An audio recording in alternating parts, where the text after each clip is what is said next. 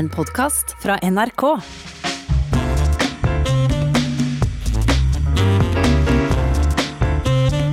Velkommen her til Studio 62, statsminister eh, Erna Solberg. Veldig hyggelig å være her. Det vil vise seg, men eh, skal det verta godt med helg etter ei veke med intense budsjettdrøftinger og et sikkert like intenst eh, arbeid med juleråda i ei koronatid? Ja, og i tillegg så har jeg hatt en internasjonal lansering av Havpanelet som jeg har ledet sammen med Palaus president de siste to og et halvt årene, egentlig. Så vi har ganske mye. Vi har vært på litt forskjellige tidsfrekvenser, og eh, så det blir deilig med helg. Og Havpanelet er kanskje det som er viktigst av alt det du har stelt med denne veka på lang sikt? På lang sikt er det. Det er også et veldig flott arbeid basert på hvordan vi har klart å trekke med oss 250 fremste forskerne i verden på, på hav. Vi har bygget et kompetansenivå på dette, og et samarbeid som jeg syns har vært en spennende, annerledes måte å jobbe på. Så det er, det er nok mer langsiktig virkning, forhåpentligvis. Krysser fingrene for at de rekommendasjonene vi har gjort, faktisk blir fulgt opp.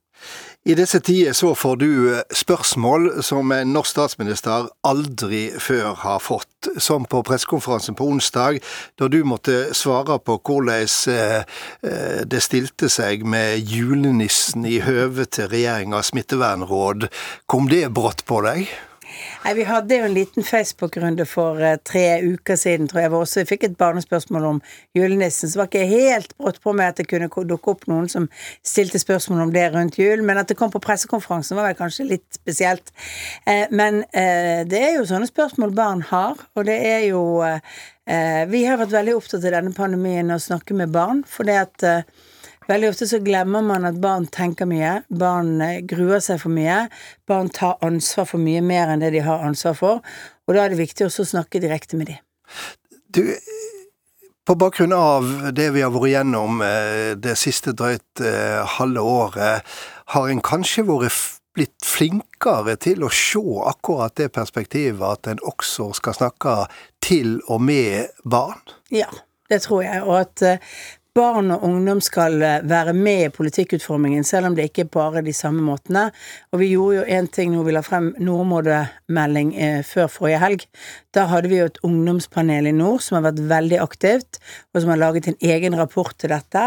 En måte å trekke med ungdom på som er annerledes i arbeidet med Fremtids-Norge, som jeg tror er godt, god måte å jobbe på. La oss ta et raskt eh, blikk tilbake. Du har vært statsminister i drøyt sju år nå, og det går an til å hevde at ingen statsminister har opplevd så mange og ulike gjennomgripende kriser som deg. Det første året ditt så kom det et dramatisk oljeprisfall med enormt stor betydning for eh, norsk økonomi. Vi har den russiske Krim-invasjonen som snudde opp ned på den sikkerhetspolitiske situasjonen. Flyktningekrisa dominerte hele Vest-Europa Europa da den eksploderte. Og nå har vi altså pandemien som Norge og resten av verden opplever. Det er en krevende tid du har valgt å være statsminister i.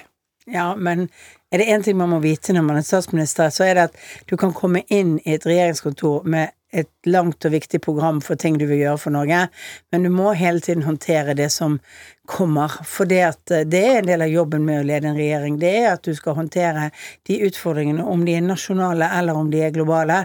Så må du håndtere disse krisene som går, går forbi. Og, øh, og, så mener jeg at det har vært viktig for oss kanskje i det fokuset å samtidig holde fast med det som var de viktigste tingene når vi gikk inn i regjering. Og litt av det som jeg tror særlig kanskje pandemien understreker, det er at veldig mye av det som skal til for at vi kommer godt ut av pandemien, er de samme tingene som vi var opptatt av når vi kom inn i regjering. Det som vi nå sier å skape mer, inkludere flere. Altså vi må ha flere folk i jobb. Mange som står utenfor arbeidslivet i Norge, eh, som ønsker å jobbe, burde fått en mulighet til å komme inn, og vi må jobbe enda mer med det. Det er god samfunnsøkonomi, men for meg er det først og fremst veldig viktig for mennesker i Norge som føler eh, og, altså Opplevelsen av å bli parkert ved at ikke noen har bruk for deg, det er kanskje det styggeste vi gjør mot folk. Tilbake til disse krisene som eh, ingen av de er nasjonale, men de har enormt stor mm. nasjonal betydning. Kan krise vært ei vane for en statsminister? Eh, ja, litt. i den formen av at du vet at du må kunne eh, endre på programmet ditt og gjøre ting på andre måter. Samtidig så er det det som jeg sier, det viktige er liksom å tenke at under Du må ikke bare fokusere på krisen, du må også fokusere på det som er de underliggende utfordringene for vårt samfunn. Oljeavhengigheten vår som er blitt mindre i denne perioden, er mindre impulser fra oljenæringen inn til, til, til, til norsk næringsliv nå enn det var eh, da vi kom inn i regjering. Men det krever jo også et fokus på at vi får mer annet næringsliv. Så det, det å klare å ha to tanker i hodet, den langsiktige utviklingen for Norge, samtidig som du håndterer de krisene du står oppi. Og de krisene kan jo håndteres godt, eller de kan håndteres dårlig. Jeg mener jo vi har klart oss godt gjennom smittebiten, eh, og håper at vi klarer oss i siste fasen før vaksinene kommer også godt, målt mot andre land. Og så må vi da se hvordan vi klarer oss gjennom den økonomiske biten. I første del har vi klart oss ganske godt bedre enn andre land, men det er det tøffeste krisen vi har vært igjennom for, eh, for norsk næringsliv på veldig, veldig mange år. Ja, BNP-fallet vårt er jo det største siden før krigen. Din forgjenger Jens Stoltenberg han kalte regjeringa for en beslutningsmaskin, er det sånn det er? Ja, det er det. I denne perioden nå sist så har vi jo vi har jobbet på en litt annen måte enn vi har gjort i regjeringer før. Vi har under, og det begynte vi egentlig med under oljekrisen og flyktningkrisen, hvor vi begynte med å på alle møter ha muntlige orienteringer, ikke bare saksdokumenter, for å følge opp krisen, for å være tett på. Det har vi gjort enda mer av nå under koronakrisen. Jobbet på andre måter. Laget et indre eh, koronautvalg som har kunnet møtes raskere, som var, hadde møter hver, eh, hver uke i sommer for å følge med på å fatte beslutninger. Eh, og, men, eh, og, og, jeg tror kanskje at eh, med forbauselse at folk får høre at Folkehelseinstituttet og Helsedirektoratet har jo sittet inne i regjeringskonferansene i en del av den regjeringskonferansen som har behandlet, ikke bare for å orientere og gått ut, men i den behandlingsbiten vi har hatt av de koronarelaterte sakene. For det har vært viktig for oss å ha ekspertene våre med, kunne konsultere og spørre på veien eh, om hvordan vi egentlig skal forstå hva de har ment med de anbefalingene som kommer. Apropos ekspertene. I andre land, f.eks. Sverige, så er det ekspertene som fronter rådene. Det er de som eh, står fram. Der spiller statsministeren og de andre politikerne en tilbaketrukket eh, rolle. Eh, hva tenker du om den forskjellen? Er det et sterkere system vi har, mer robust? Jeg tror det er et mer legitimt system vi har i Norge. i den formen Og med det at, mener du? Med det mener jeg at, vi som, altså at det er politikere som fatter de vanskeligste beslutningene. Og det opplever jeg at norske eksperter er veldig enige i at det skal være. Camilla Stoltenberg har jo uttrykt det helt tydelig. For det var jo et litt sånn gråsone akkurat den 12. mars, hvor vi fortsatt hadde fullmakten i Helsedirektoratet. Det var jo alt de gjorde var jo i samsnakking med regjeringen, men det formelle vedtaket ble gjort av Helsedirektoratet.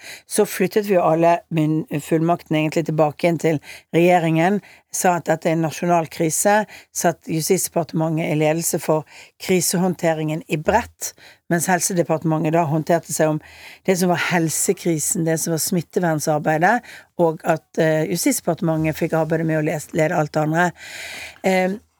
Og jeg tror at legitimiteten er større hvis vi som politiske ledere har gjort det. Da kan vi, vi kan stilles til ansvar på en bedre måte og en lettere måte enn det eksperter gjør. Og av og til så er det jo sånn at uh, skal det skjæres igjennom, så, så, er det sånn på den ene siden, på den andre siden. På forskere mener vi er ikke sikre på alt. Er det én ting jeg har lært om noe, så er det at vi vet en del, men vi vet aldri helt riktig. Det er jo ikke en fasit på svarene på covid-19 enda, på alle sidene av dette, men vi har sannsynlighet og mye. Og da må noen tørre å trekke og si men da gjør vi det sånn. Da er dette den konklusjonen vi gjør. Og da er det viktig at det er også folk som står ansvarlig overfor den norske befolkningen på en annen måte enn det en ansatt embetsperson gjør. Apropos det med ansvarlighet. Et forsøk på et eh, ja-nei-spørsmål. Før du holdt din tale 12. mars, som innvarsla den store krisa vi har vært i, var du redd? Jeg var ikke redd, men jeg var Altså, jeg var jo bekymret for konsekvensene for hele det norske samfunnet. Det ville vært unaturlig å ikke være det. Samtidig så har jo jeg trodd på at det norske folk er i stand til å håndtere vanskelige situasjoner, og det har det norske folk vist helt til fulle tid. Vår samtale er heldigvis ikke slutt ennå, Erna Solberg, men først skal vi lytte til dette.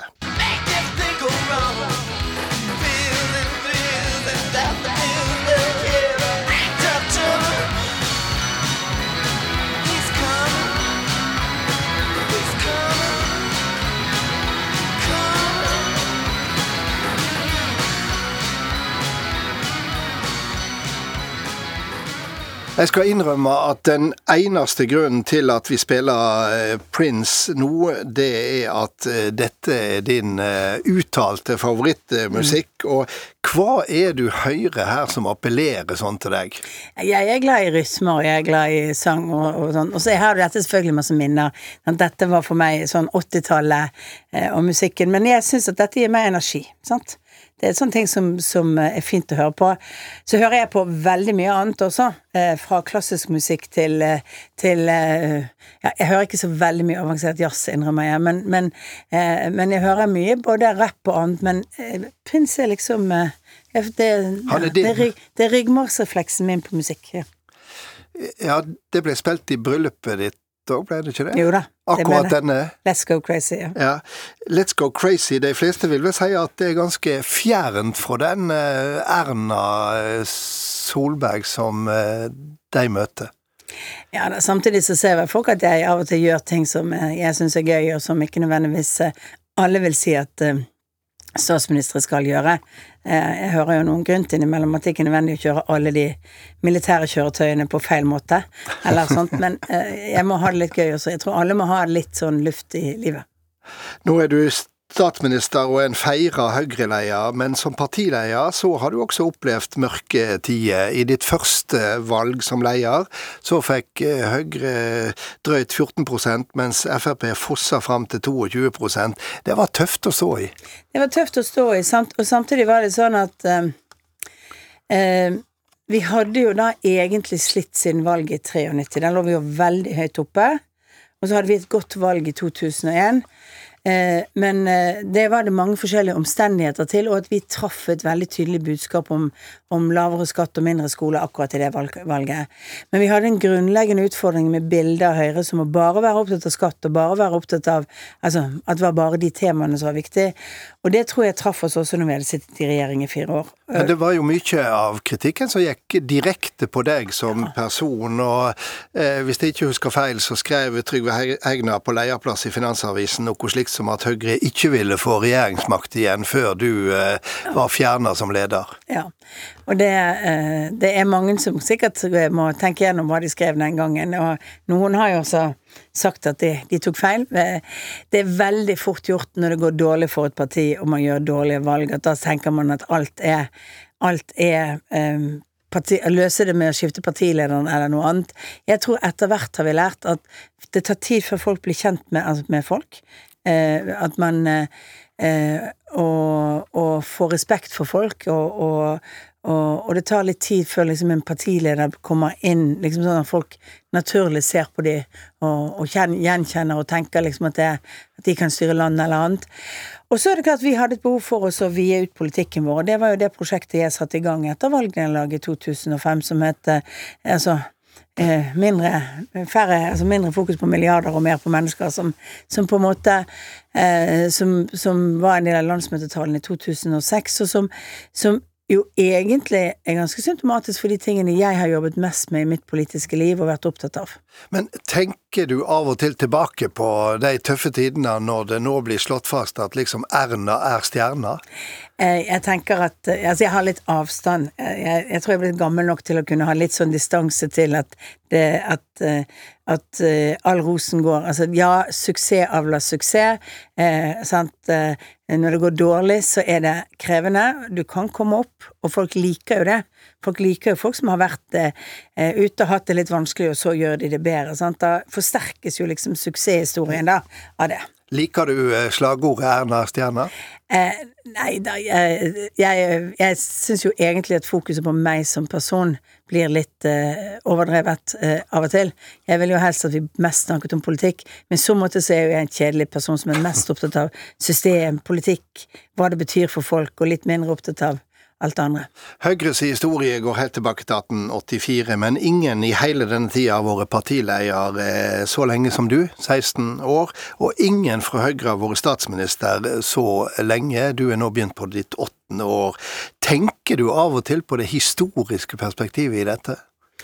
Nei, men jeg tenker av og til på det Kåre Willoch sa, at det er bedre å ha vært statsminister enn å være statsminister. Du får alltid mye mer ros når du, er, når du slutter enn du får når du har.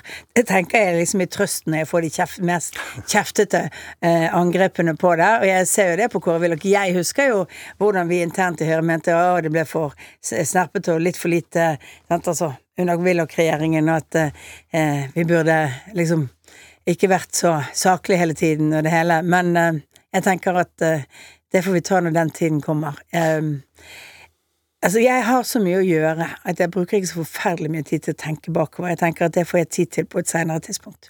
Vi som var til stede i Sonja Hennie-salen på Oslo Plaza eh, da du i 2004 ble valgt til partileder, opplevde et svare leven da det marsjerte inn et helt buekorps inn i salen med bergensordfører eh, den gangen, Herman Friele, i spissen. Det er noe sånn eh, irriterende sjølbevisst over bergensere? Ja, altså det er jo en kultur i Bergen for at du kan eh, skal heve røsten og diskutere mye, og det er, ligger litt i måten bergensere er på. Samtidig så bergensere er veldig hissige på politiske saker, sånn, men de er de forteste til å bare si 'men det var greit likevel, jeg liker deg', sant, altså sånn. Eh, det er nok Det er litt mer av kulturen som kommer. Mm. Men før vi går videre i samtalen, så skal vi uansett stimulere bergenseren i deg. For her kommer Anne Bendiksen og Frode Tingnes orkester med en 20-gutt fra Bergen. Mannfolk fins i lange baner, men det er færre enn du aner. Ut av Edvard Grieg og Holbergen og jeg. Apropos Bergen, eh, statsminister Erna Solberg, du er fremdeles her i studio. Så blir det hevda at Bergen er vår mest utadretta og internasjonalt by, i hvert fall historisk sett, så la oss kaste et blikk utover. I natt så gav Joe Biden sitt første store intervju etter valget, og der snakker han om å reparere forholdet til Europa. Eh, det må være gode toner for en norsk statsminister?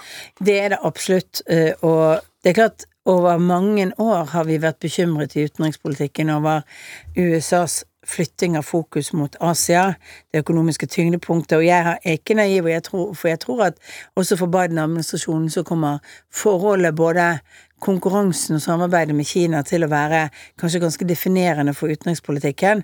Men det er klart, å få en, få en administrasjon som er mer forutsigbar, for det har jo vært litt av utfordringen med, med, med Trump-administrasjonen, at de har vært, vært, så uforutsigbare. Det har skjedd ting plutselig over natten som det har vært vanskelig å, å forholde seg til, og, og som, hvor vi har vært vant til amerikanske administrasjoner som i større grad konsulterer, snakker med sine allierte i Europa, særlig på større globale spørsmål. Så jeg ønsker jo at jeg ser en amerikansk administrasjon som er tilbake på den internasjonale arenaen, både sammen med Europa, men også i de internasjonale institusjonene. Er du letta over at eh, det vart med fire år med Donald Trump i Det hvite hus? Altså jeg, vil ikke, jeg vil ikke underslå at det er utfordrende eh, med den uforutsigbarheten og det forholdet han handlet til multilaterale organisasjoner for det vi står for og mener er riktig, at vi skal ha en rules-based world, altså vi skal ha en eh, folkerettsbasert eh, verden, vi skal ha et system som løses i multilaterale organisasjoner, og ikke, ikke bare et bilateralt forhold, at det er i norske interesser. Samtidig har jeg lyst til å si at, at eh, vi skal huske at under denne Altså under Trumps administrasjon så har det sikkerhetspolitiske samarbeidet med Norge vært veldig godt, og det er jo hovedsamarbeidet vi har med USA. Du sa etter at det var klart at Joe Biden hadde vunnet, at da tenkte jeg det var på tide. Ja, ja. Det var på tide at vi var ferdig med resultatet, ja. Og eh, det er også fint at Joe Biden får bli, eh, bli president. Eh, jeg har jo møtt han noen ganger, og han er en varm, hyggelig fyr eh, som nok har hatt ønske om å bli president lenge. Varm, hyggelig fyr, sier du om Joe Biden. Du har også møtt eh, Donald Trump, det var vel i januar eh, 2017. Og med tanke på hans uberegnelige stil eh, og hans personlighet, er det noen annen statsleder du har møtt som du har vært mer nervøs for å møte enn Donald Trump? Jeg vet ikke om jeg var så forferdelig nervøs for å møte Donald Trump. Eh, vi var godt forberedt. Det var lagt en god strategi for å snakke om hva Norge betød for USA. Altså at det var i selv, deres selvinteresse. Kanskje litt. Så vi var nok mer forberedt på sånne ting enn det. Eh, jeg tror jeg har sluttet med å være så veldig nervøs for å møte internasjonale politikere. Rett og slett fordi folk er folk, de representerer sitt land. Jeg representerer Norge. Det er noe, altså, det er ikke Erna Solberg som møter, det er liksom Norge som møter når jeg møter. Og det skal du på en måte ikke være så nervøs for. Vi har mye å by på. Men samtidig så er det ikke helt dagligdags å sitte i Det hvite hus for en norsk statsminister? Nei, det er det ikke. Jeg har vært noen ganger i Det hvite hus, to ganger nå under Obama og én gang under eh, Og det er jo mer først, det er annerledes, og det er en veldig stor oppmerksomhet. Og det er veldig viktig for oss, og det er det viktigste. Altså, det viktigste er jo at det samarbeidet vi har med USA, er viktig for norsk sikkerhet, det er viktig for norsk eh, Altså for, for norske interesser på veldig mange områder. Og det det betyr at en Altså, der, du møter andre statsledere som det ikke er så viktig. Sant? Altså, det er ikke så viktig for norske interesser. Der, men det er noen som er mer viktige, og det er for eksempel forholdet vårt til USA, det er forholdet vårt til de største landene i Europa. Sant? Det er viktig at vi liksom kan bygge et godt samarbeid også på det personlige planet. Apropos det personlige planet, vi nærmer oss slutten på denne samtalen, eh, statsminister Erna Solberg. Men det, det er én ting eh, jeg aldri har hatt mulighet til å eh, spørre deg om i de åra eh, jeg har fulgt deg som journalist. Eh, sommeren 2013 så trykte Dagbladets magasin et bilde fra heimen til din ektemann Sindre Finnes og deg i Bergen, og der så det heller rotete ut. Så opplevde du at akkurat dette bildet ble et symbol på folkelighet, og at du kunne ha det akkurat som mange av oss andre på en hektisk dag. Ble du overraska over hva for verknad akkurat dette bildet fikk på mange nordmenns syn på deg? Ja, litt. Eh, også fordi at eh Eh, det var jo absolutt ikke planlagt at den fotografen skulle få lov å komme inn i huset, for det egentlig var det et terrasse... Ja, for det var sånn terrasseintervju. Så var problemet liksom at det kom noen forsinkelser, sant. Og vi hadde invitert på grillselskap som skulle begynne like etterpå. Sant? At da, da, var det litt mye som var oppe på bordet, og litt mye som var startet i gang. For det kom liksom en glipe mellom det intervjuet og det som hadde Vi hadde hatt et intervju med NRK før eh, TV før, før, på dagen. Og, og, dermed så hadde vi jo liksom begynt å forberede ganske mye annet òg. Eh, og det var jo og så er det jo et svakt øyeblikk at du Ja, ja, du kan selvfølgelig ta et bilde i stuen, og så ble det et bilde på kjøkkenet, og så Så det var ikke planlagt. Og mine barn er fortsatt litt fornærmet for den at alle folk syntes det var så rotete der. For de hadde vært der i ti dager med sine venner og andre, og vi hadde kommet en dag før, og de følte jo at de hadde ryddet forferdelig mye før mor og far kom, men det var åpenbart ikke nok for den norske standarden. Men det ble jo spekulert i at dette var liksom eh, gjort av eh, dine PR-folk, men, men, det er rett og slett bare tull? Det er bare tull, og egentlig var avtalen at vi ikke skulle ta bilder inne, nettopp fordi vi altså eh, også fordi jeg egentlig liksom hadde hatt lyst til å ha en liten grense for hvor langt inn i vårt liv vi, vi skal ha folk.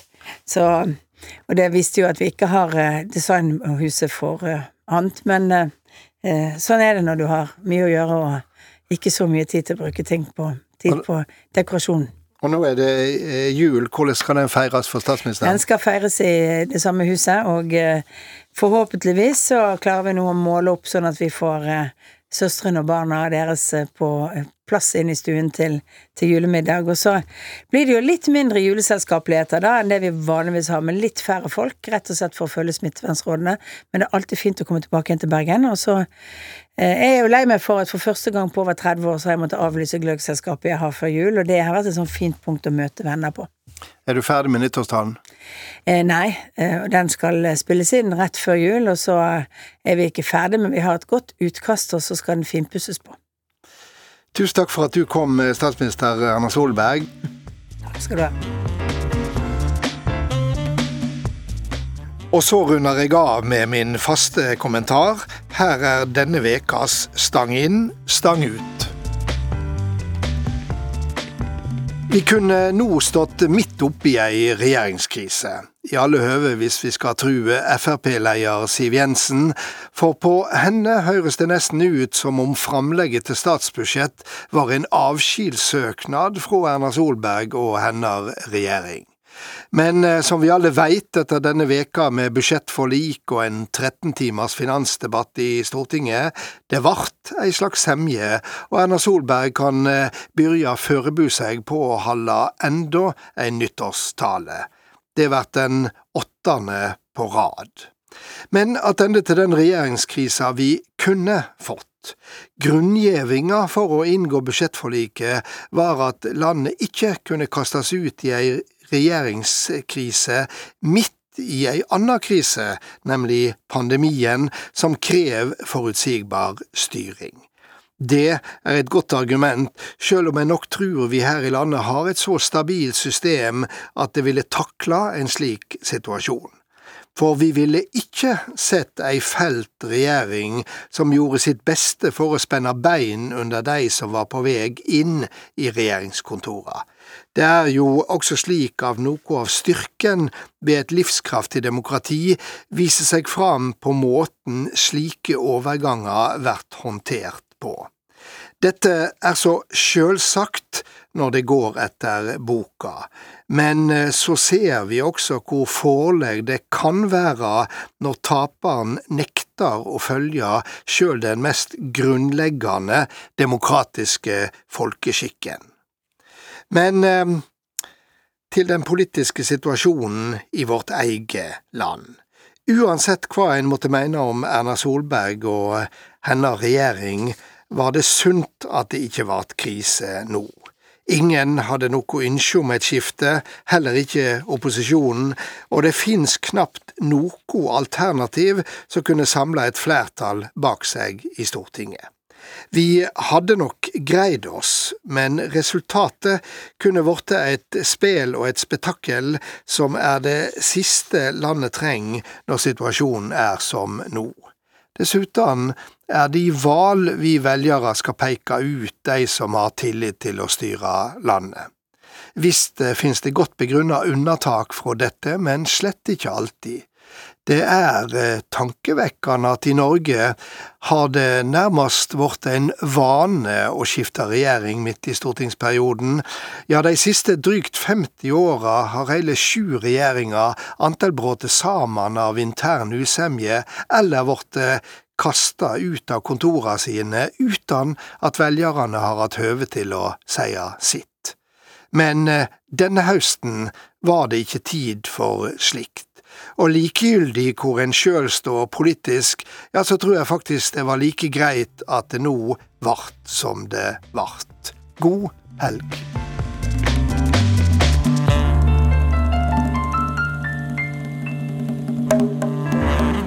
Du har hørt en podkast fra NRK. Hør flere podkaster og din NRK-kanal i appen NRK Radio.